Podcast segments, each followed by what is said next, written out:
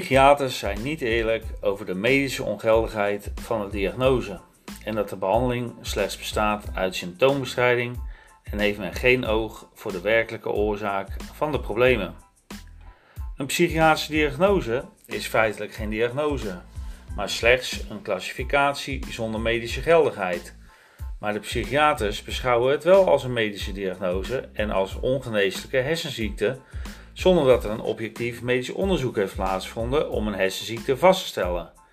Zonder medisch bewijs spreekt men dus van een ongeneeslijke hersenziekte. En is het dus een aanname gebaseerd op de dopamine-hypothese dat er sprake is van een chemische onbalans in de hersenen, waarbij hersencellen te veel dopamine aanmaken zonder dat het ooit is vastgesteld door medische testen.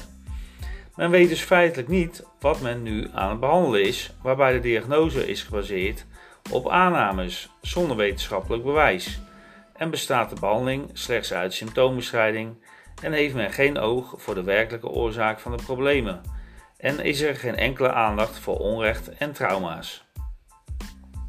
Psychiaters zijn niet eerlijk over levensgevaarlijke risico's van de behandeling.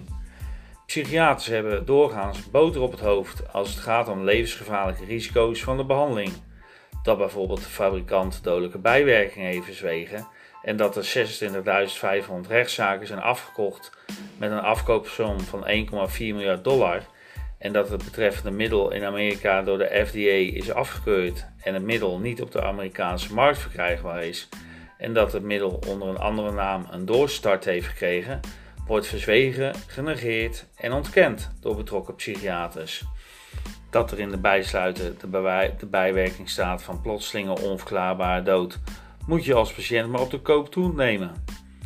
Psychiaters gaan er klakkeloos en kritiekloos van uit dat als medicatie is goedgekeurd in Nederland, het middel niet gevaarlijk is. En doet men net alsof er geen problemen zijn binnen de beroepsgroep van psychiatrie en farmaceutische industrie. Psychiaters doen nooit feitenchecks als er sprake is van een incident. Psychiaters hebben geen belangstelling voor de ware toedracht en onder wat voor feiten en omstandigheden en onder welke context een bepaald incident heeft plaatsgevonden. Als er bijvoorbeeld sprake is van boosheid naar een psychiater en of behandelaar, dan wordt dit ten onrechte opgeblazen alsof er sprake is van een psychotische decompensatie met agressie naar psychiater en of behandelaar.